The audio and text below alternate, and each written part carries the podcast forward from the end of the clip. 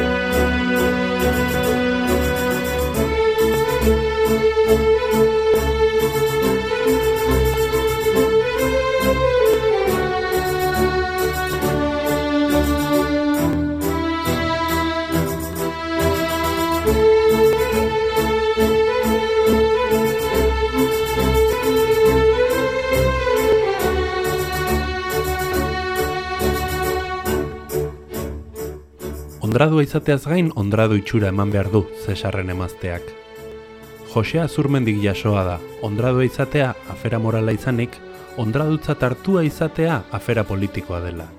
Norbere irudia lantzea, norberaren itxura zaintzea zoon politikonaren ezinbesteko lana da. Martxa honetan saio bakoitzean gutxienez behin aipatuko dugula dirudien arren, honetan ere jalugo darrek arrazoia zuen.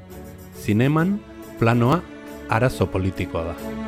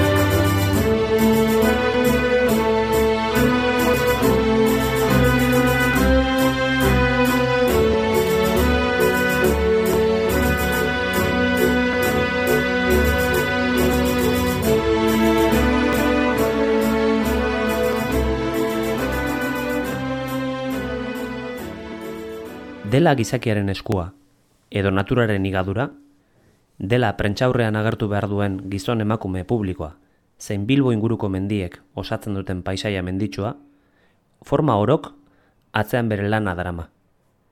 Hori hartuko dugu gaur aitzaki, irudiaren lana.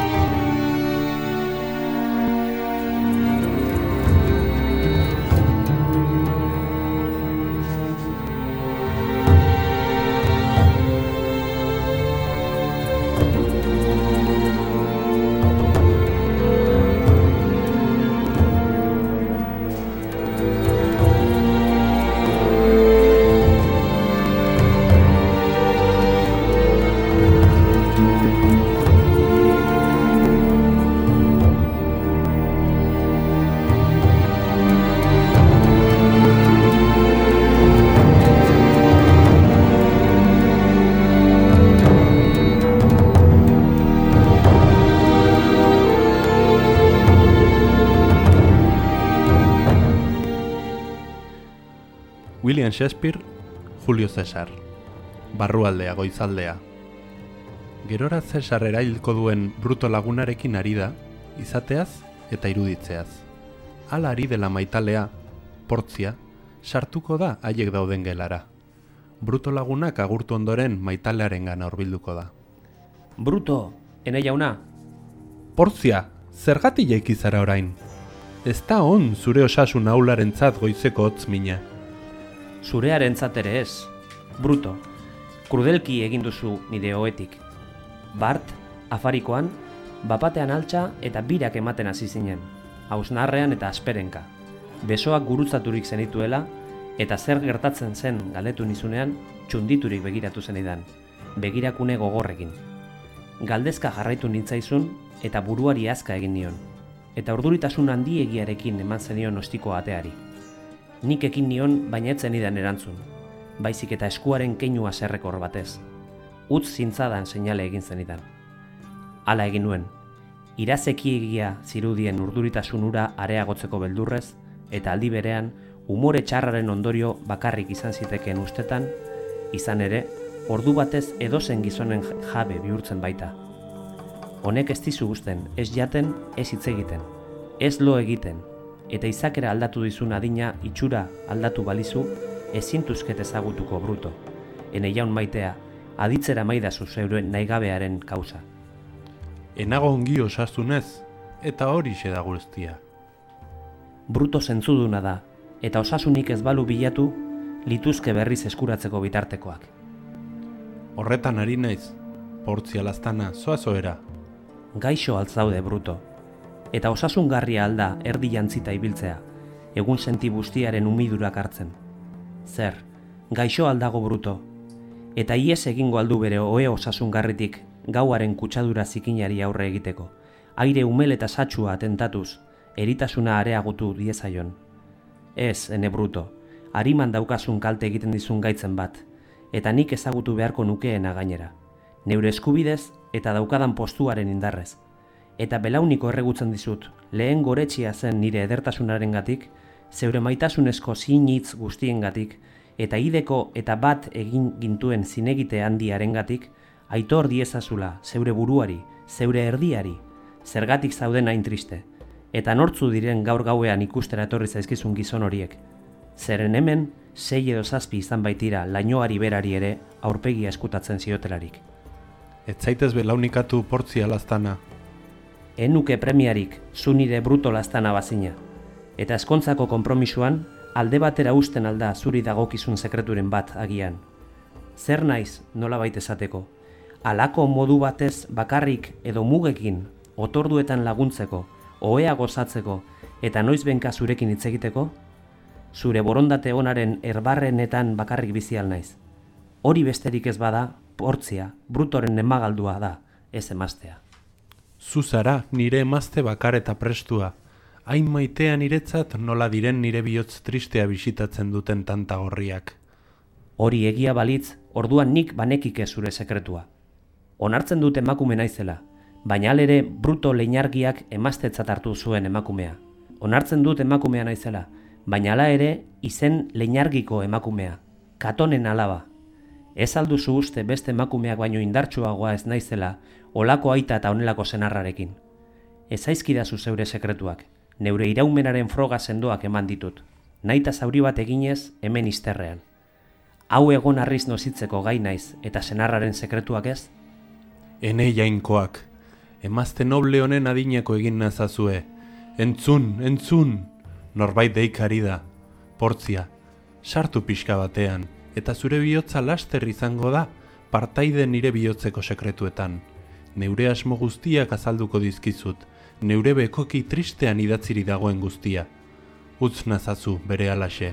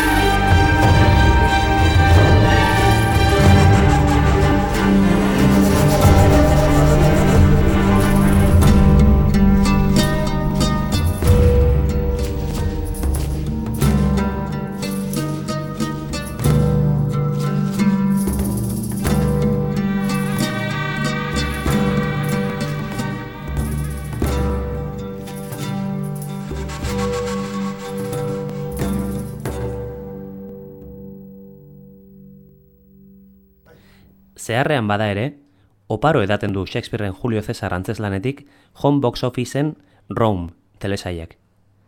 Bilboko harriagan ikusgarri, saioa grabatu dugun egunotan. Antzeslana esan nahi dugu, ez telesaia.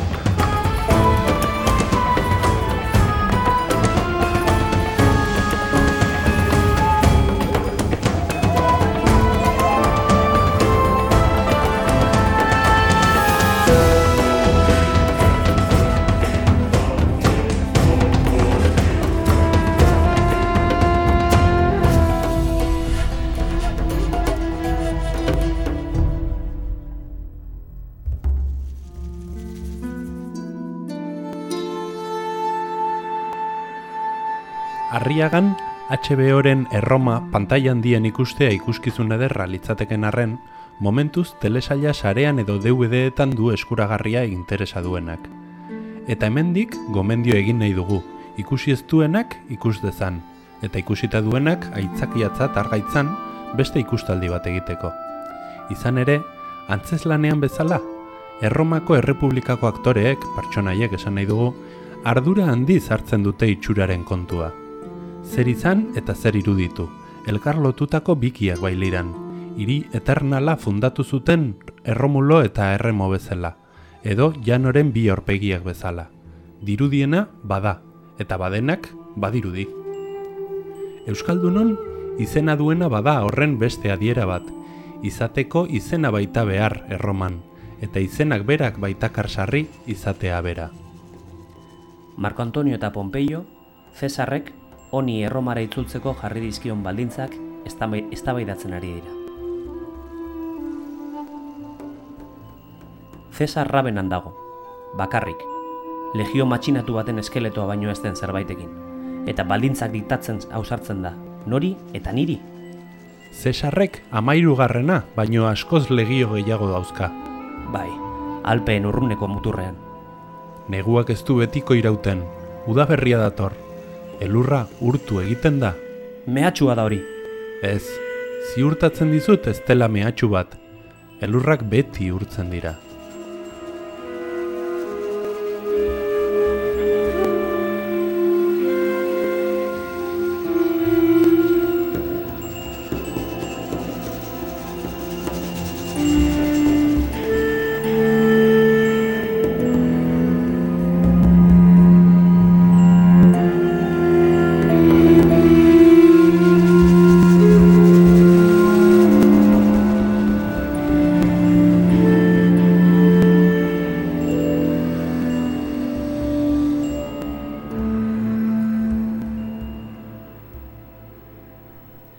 Usual Suspects edo hobe da tonto iruditzea. Carlo Maria Txipolak zioen ergela dela giza animalia arriskutsuena. Neka ezina, asma ezina, ulertezina, kalte sekulakoa, kolosala eta azkena eragiteko gaidena. Aldi berean, deaburroaren amarru honena mundua bera existitzen ez denaz konbentzitzea izan omen zen. Bada, Kevin Spaceyk biak lotu zituen, Brian Singer eta Christopher McQuarrieren Usual Suspects bikainean. Hiru lan hartuko ditu Spaceyk. Deabruaren irudia eta ergelaren irudia lantzea batetik. Eta lanik zailena, lanik onena, bata eta bestea betirako bereiztea. Biak lotu litzakeen lotura oro mostea. eraustea. Kale kantoi ilunetan, polizia kuartel argistatuetan, zein bulego garesti eta altzairu ederdunetan dardarak sortzen dituen izena. Eta ergelaren ergelaz, inork arriskutsutzat ez duena. Ariak finak dira eta ez dira ikusten. Nobody knows me. Kaiser Sose. Kaiser Sose, Kaiser Sose CIA dioen aizela existitzen. No. Kaiser Sose naizela Kaiser Sose Matantza jaunaren idiota gintzen Kaiser Sose, Kaiser Sose CIA dioen aizela existitzen. No. Kaiser Sose naizela Kaiser Sose Matantza jaunaren idiota gintzen Ui!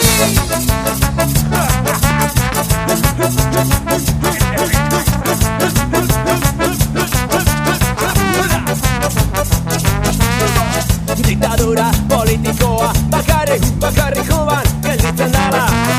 Herri guztietan askatasuna, hene diktadura ekonomikoa. Diktadura politikoa bakarrik, bakarrik juban gelditzen dala. Herri guztietan askatasuna, hene diktadura ekonomikoa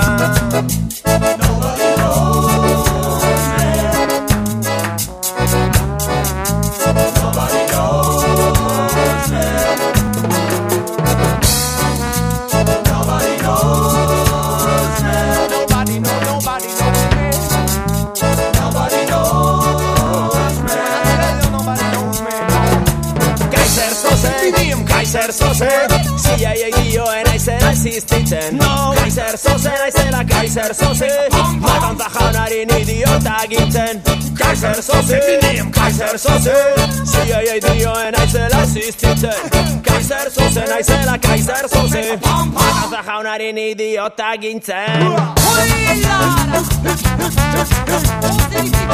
Jendea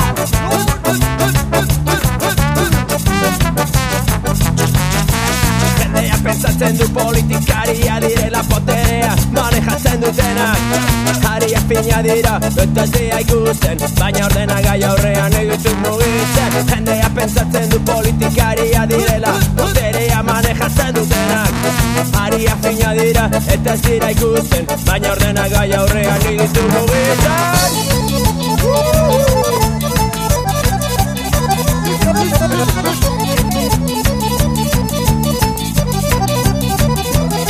yeah. Respect de Boca contre le KISER Même à maximum danger, ils sont tout droit de l'enfer.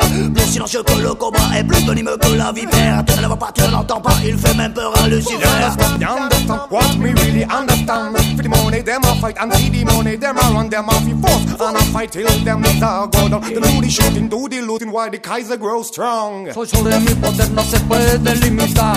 Jefe de una armada mi sargento es el dólar. Controla la vida del que conmigo viene a pactar. Y no se conforma la muerte le vendrá a librar Nobody knows me.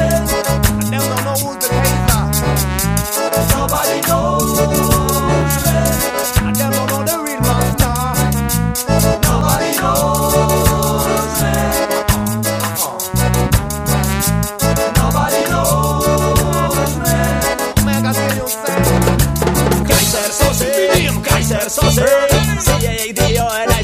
Existitzen no. Kaiser Sose naizela Kaiser Sose Matantza jaunaren idiota gintzen Kaiser Sose, Kaiser Sose CIA dioen aizela existitzen no. Kaiser Sose naizela Kaiser Sose Matantza jaunaren idiota gintzen Bestelakoak dira benetakoak direla erakutsi nahi diguten filmak. Izan badirenaz konbentzitu nahi gaituzte, benetako gertakarietan oinarrituta, dio eskute. Eskutatio no petita, akusatio manifiesta.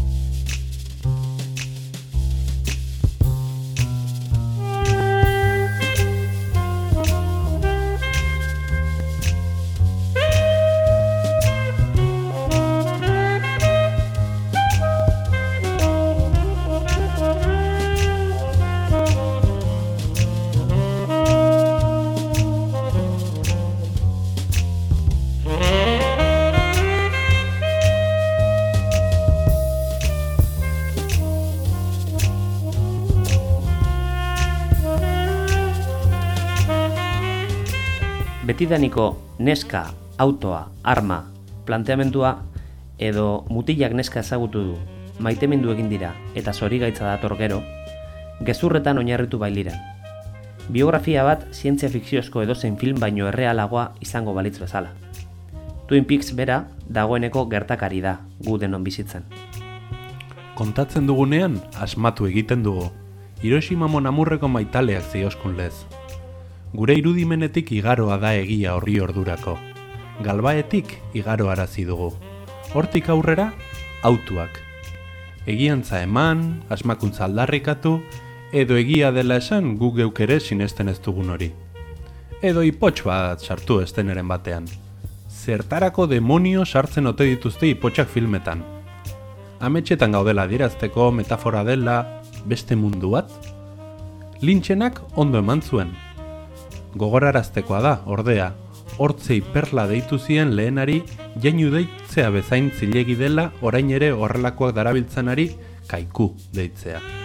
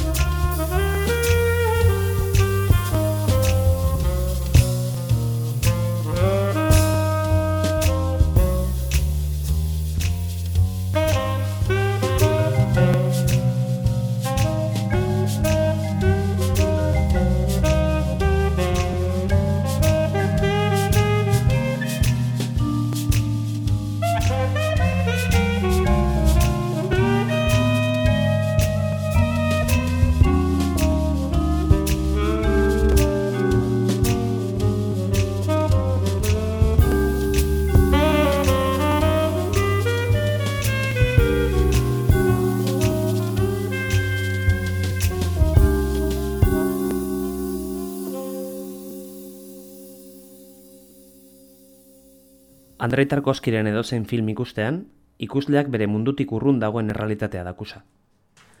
Baliteke, zioen berak mila bederatzeun da irurogeta bian emandako elkarrezketa batean, Ibanen aurtzaroa filma askori irreala iruditzea. Bertoko hainbat eszenatan ez baitu logikarik aurkituko.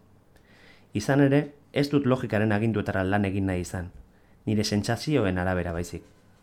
Errealismoa, nire aburuz, ez dagokio formari, edukiari baizik irudipenak eta ametsak errealistak izan daitezke. Artistak sentitzen duena adierazten duen enean. Errealismoa neure sentsazioak adierazten datza. Ibanen aurtzaroak, zuzendari errusiarraren lehen filmak alegia, gerrako hor baten historioa kontatzen du.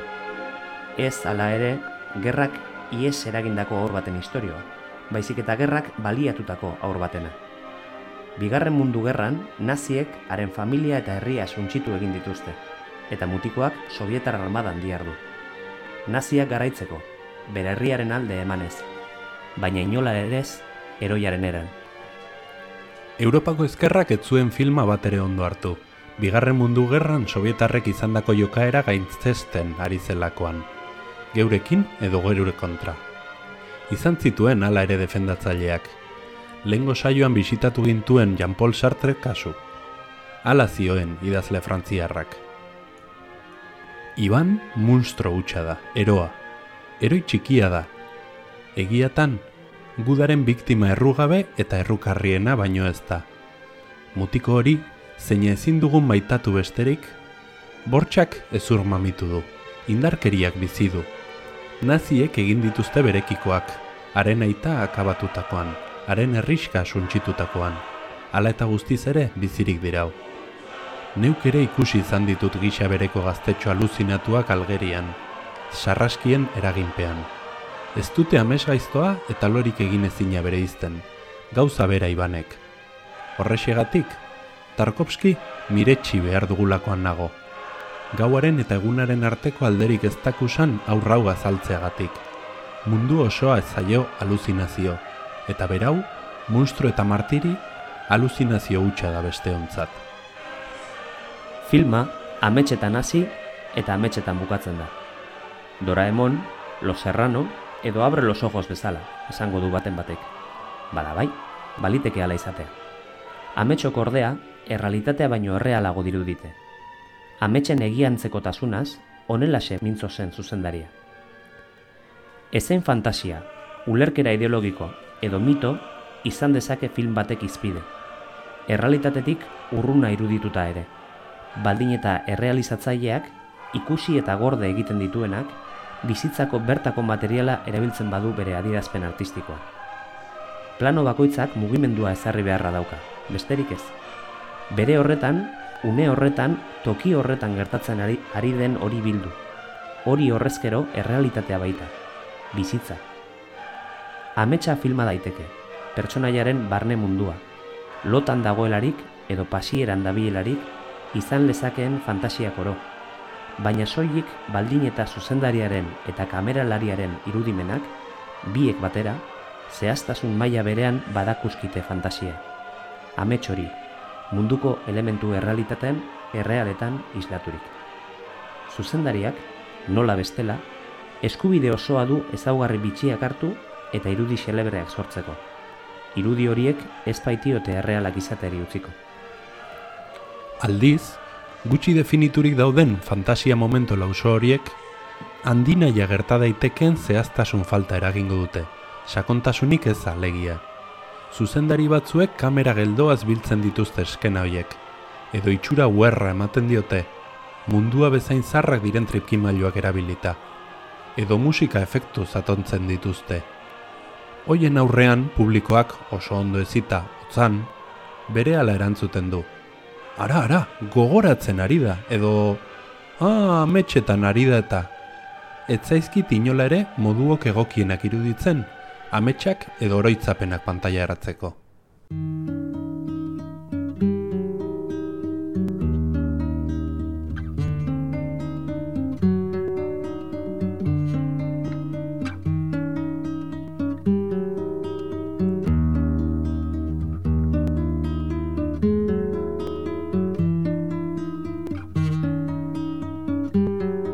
Berren. Mila eta irureun da hogeita mabi Mila eta irureun da irurogeita emeretzi Mila eta bosteun da mabi Mila eta seireun da bederatzi. Mila eta zazpireun da larogeita bederatzi. Mila eta zazpireun da larogeita malau Mila eta zortzireun da hogeita emeretzi Mila eta zortzireun da irurogeita emeretzi Mila eta bederatzireun da hogeita maika Mila eta bederatzireun da hogeita mezazpi Mila eta bederatzireun da irurogeita sei. Mila eta bederatzireun da irurogeita maika Arrano beltzarekin joan ziren, joan jaengo nabas de tolosara, nafarrak, eta kate, kateekin itzuli etxera, eta kate, kateak ekarri herrira, armarrira. Atzerritarrentzat atzerrian gerla irabazi, eta herrian nafarroa galdu, nafarraroa galdu,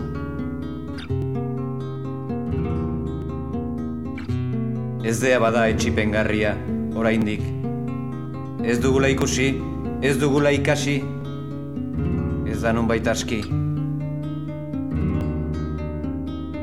Gi, gib, gib, gibel, bel, gibelet, ibeletik eman, nor, nor, nor, nork ez daki, digutela, ematen ari, ari, hari, ahari, ari zaizkigula, digutela, eman, eman, ematen eman eta har, eman eta sar, sar eta har, hartuko, sartuko, dugula, dugula digutela, sartuko, hartuko, baldin, din, din, baldin, toz, datoz, datoz, datoz zenean, ematera ez badugu, behingoz lehiatila nola itxi ikasten.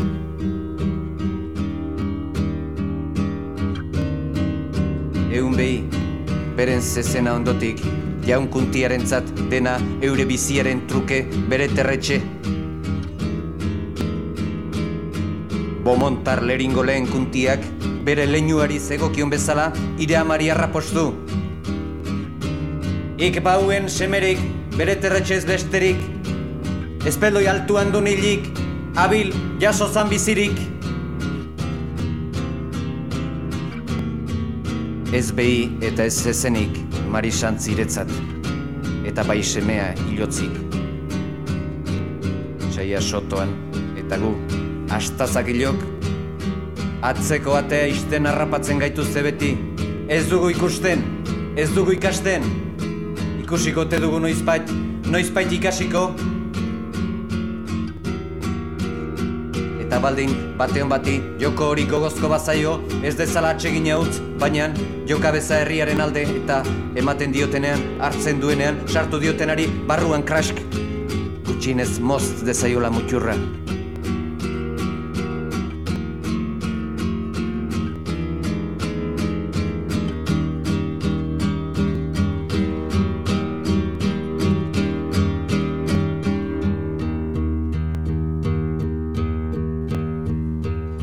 Kritika gogorrak jaso dituen ikusentzunezko testua. British Broadcasting Corporationeko telebista katean eta webgunean. Laburra, apenas bi minutukoa. Sarean naiz telebistan banatua. Narratzaile britainiar baten ofeko, ere muzkanpoko ahotsa, egoera deskribatuz, pertsonaiak aurkeztuz.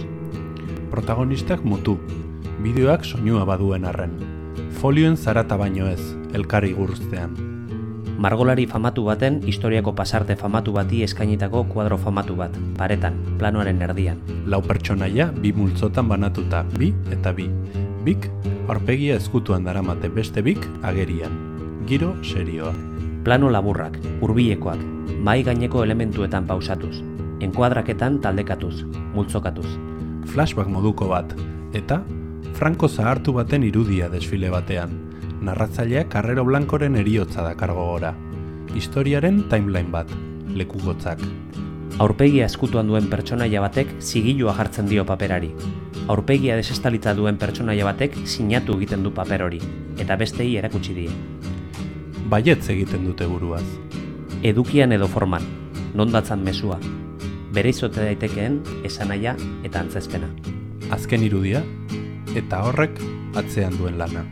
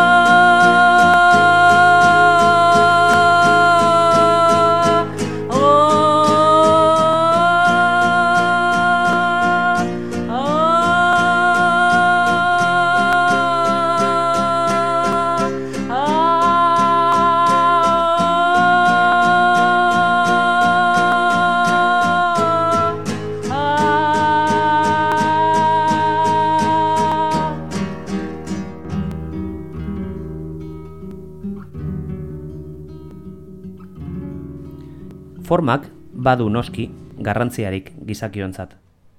Benito Lertxundik berak bazioen, formak onak direla, haietan galtzen ez garen artean. Baina ba ote, forman galdu ez den edukirik. Ba aldago formak eraldatzen, moldatzen, tolesten ez duen esan nahi aratz, garbi eta azkenik. Ez ezkoan gaude, aurkia eta ifrentzua direla bata eta bestea. Adierazlea eta adierazia. Edo Josi Basterretxeak lehioan genbiltzanean zioskun bezala, alea eta hasia. Esanaiaren lorea modu askotako formetatik ernatu baitaiteke. Ere muzkanpo aspaldi elgudu ginen ondorio horretara, baina logela multimediak, mokaua proiektu multimediak esana dagoia da, pertsona itxuak ere badakuskila formak. Koloretako ametsak usaimenaren bidez gauzen formak. Hori bai, begi soilez ikusten dugunokiko inbidiak itxutzen ez duenean.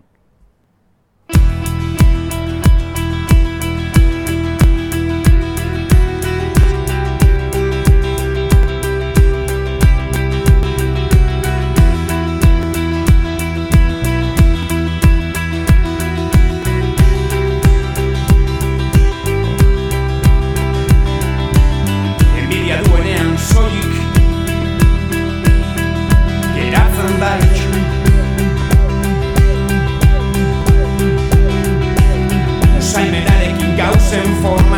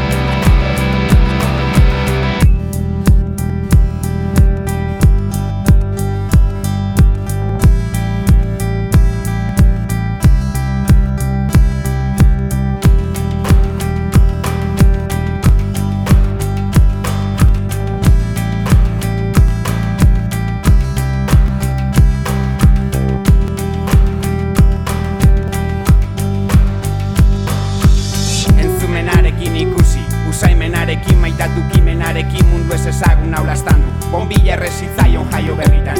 Begi bien burdinaria pisatitan Geroztik esna ametsak diseina ditzake Berak sortutako koloretan amestea dupake. Hau ez da tunel bat hau gau eternala da.